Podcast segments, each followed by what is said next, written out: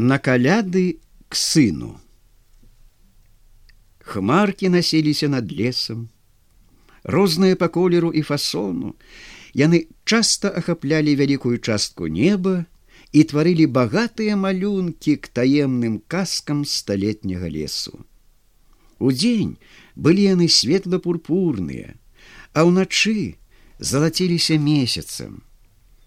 Чаго чаго ў іх не было цэлыя гарады з дзіўнымі замчышчамі, горы, выспы, азёры, агнёвыя звяры, працэсіі святых у белых вопратках, незлічоныя легіёны ваякаў на конях. Унізе лес гаварыў свае адвечныя гутаркі. Часам ён маліўся ціха-ціха, і толькі нейкі гук нібы вокліч далёкага звону даносіўся з чорнай глыбіні лясной далі. Часам бываў ён немы, гэтак мёртва немы і спакойны, як бы прыслухоўваўся да нейкіх таемных падземных спеваў. На хмаркі і на лес часта любіла пазіраць старая ўдава тэкля, жонка нябожчыка цыпрука, палясоўшчыка пана шчубальскага. Жыла тэкля адна ў старой хатцы на пагорку ля лесу, хадзіла на падзённую, бокам скокам туды-сюды і неяк гадавалася. Пан не выганяў яе з гэтай разваленай хаткі. Хаця пасля смерці цыпрука наняў новага палясоўшчыка але таму пабудаваў і новую хату. Тэкля любіла хадзіць па суседзях.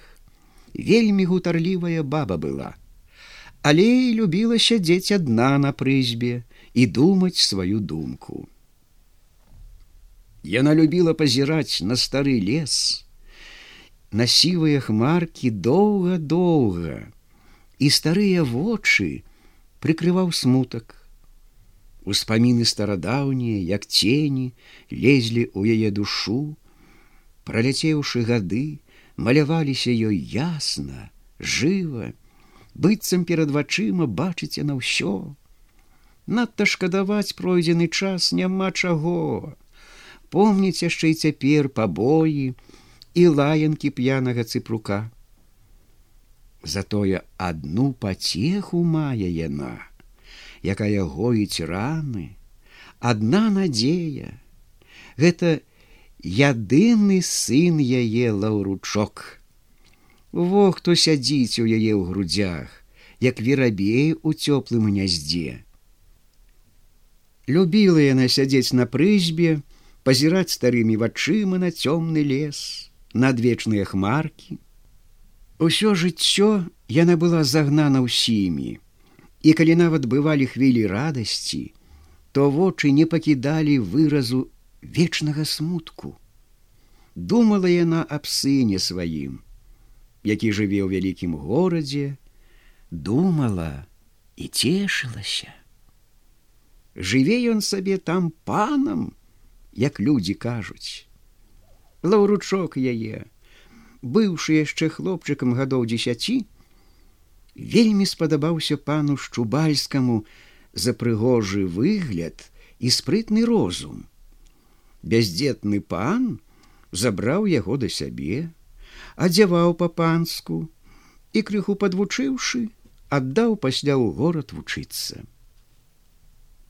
У лістах да пана часамі ўспамінаў ён бацькоў.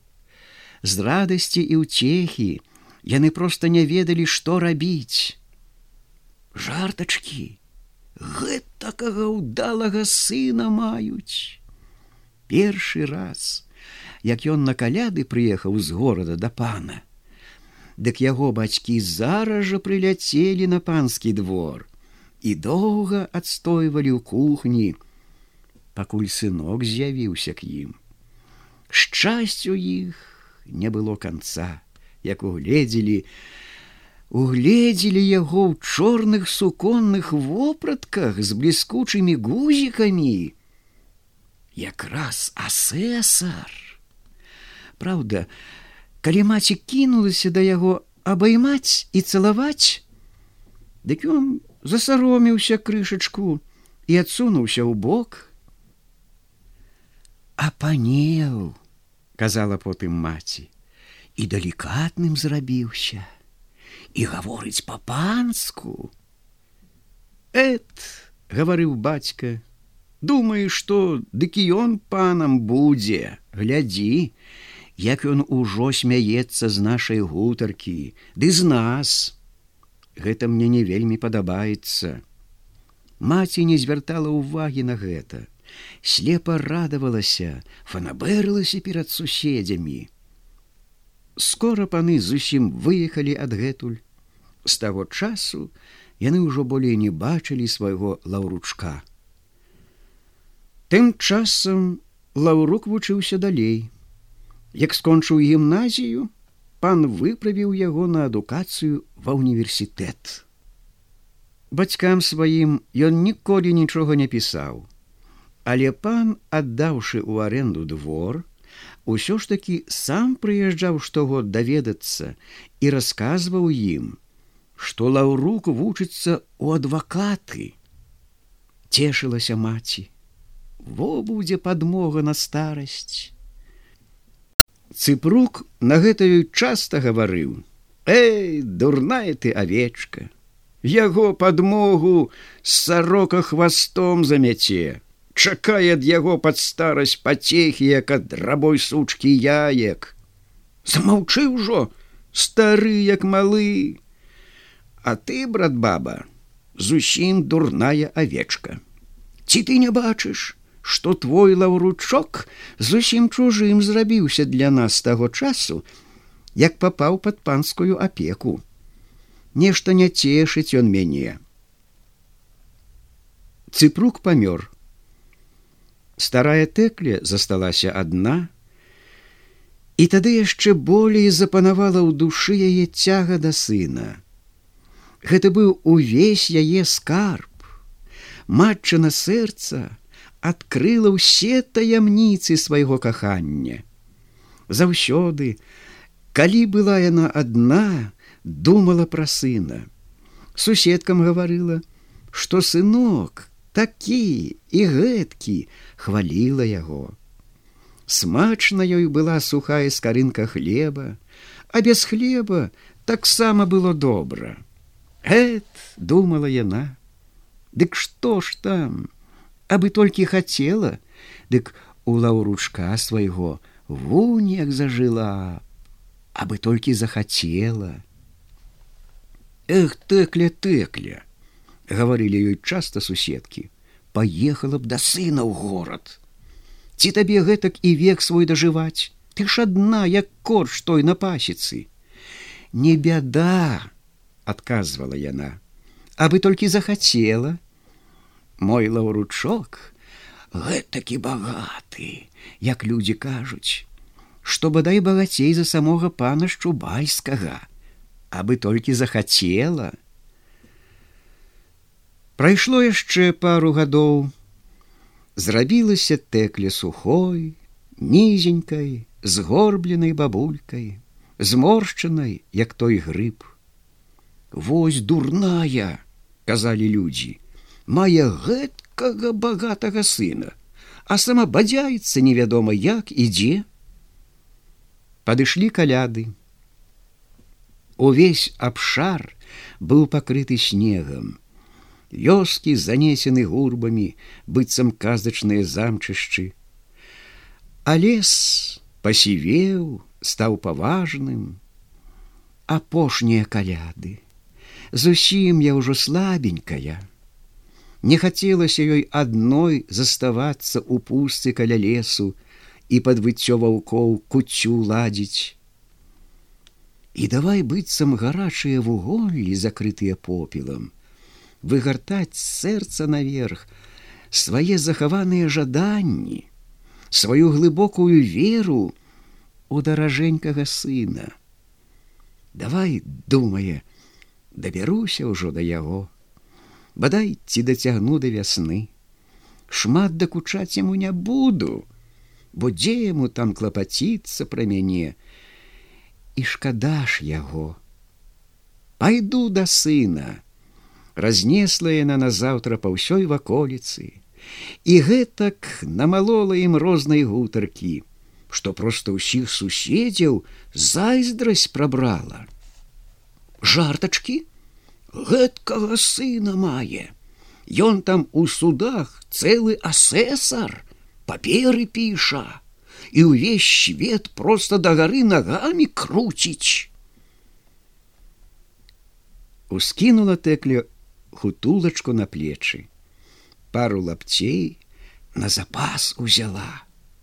Развіталася з бабамі і пусцілася ў дарогу да горада было міль шесть выбралася раніцай на снежнае поле кажуць ён там ажаніўся і з багатай паненкай напэўна унукі жэўжыкі ёсць на зморшчаным твары зяла шчаслівая усмешка.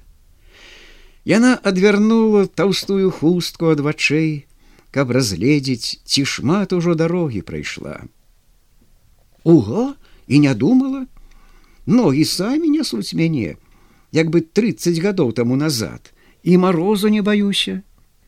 І яшчэ з большым імпэтам неслі яе старыя ногі да роднага сына на каляды і шчасце яе расло, Воздзе жаданне сэрца яе споўніцца, Вось калі зажыве яна, як сыр у смятане. Глупства, што часамі нябожчык цыпруг гаварыў, як гэта ён мяне не прыме. Я ж яго маці, Я ж яго гадавала, Я ж яго карміла, Ён жа ўся пацеха моя кончыўся дзень тэкля начавала у незнаёмай вёсцы. Добрыя людзі накармілі абагрэлі яна ўсім расказвала што ідзе на каляды да сына і гэткім тонам гэткай шчаслівай гутаркай ажно сяляне з нейкай асаблівай павагай пазіралі на яе ды пачалі прасіць каб яна там у сына за іх заступы прасіла ў судах. Ранюсенька яна зноў кранулася ў дарогу, скрыпеў снег под нагамі, белыя абшары палёў драмалі пад супакоем нямой цішы. Рэдка рэдка, калі дзе на хвоі закаркае варона, ды падымаючыся ўверх страсяне з галін ком'і снегу, рэдка-рэдка калі фурманка пакажецца з лесу сярмяжнік занукае на кабылку на розныя лады упрэцца у аглаблю натужыцца і не змесца воз з бярвеннем цяжкі рэдка-рэдка калі званочак зазвініць і панскія санкі віхрам панясуцца па нямым белым гасцінцу тэкля ідзе да ідзе млеюць старыя ногі а топкія калоды зрабіліся цяжкія, цвёрдыя. Нічога, горад блізка. Ужо здалёку відаць вежы церкваў і касцёлаў, якія золатам у неба паднімаюцца. Вось і муры разнафасонныя, Вось і гоман горада даходзіць да яе вушэй, скора ўжо спраўдзіцца яе апошняе жаданне. У старых вачах бліснуў радасны аганёк. Нічога у сына адпачну старыя косці выпрастаю. Вось пачаліся цёмныя вуліцы шумнага горада. Тут ужо тэкля збілася з толку. Не ведала куды павярнуцца у каго дапытацца.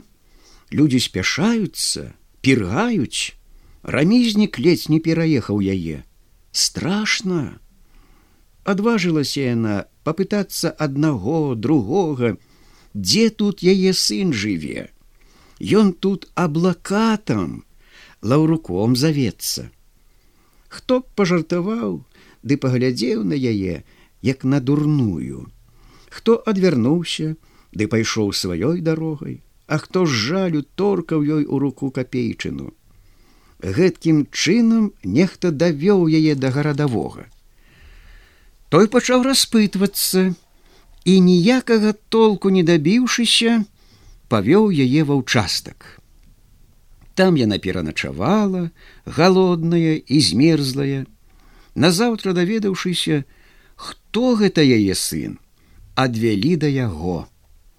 Стукалася, стукалася яна ў дзверы, пакуль нехта адчыніў, высунуўся на палову, паглядзеў на яе, крыкнуў: « Ідзі, ідзі, канца няма жабракам гэтым. Пусцеце! Я ж да сыночка свайго іду, да лаўрука. Да лаўрука, да сына, да лаўрэнція кіпрыяновича, так так. Я яго маці. Той змерыў яе з ног да галавы.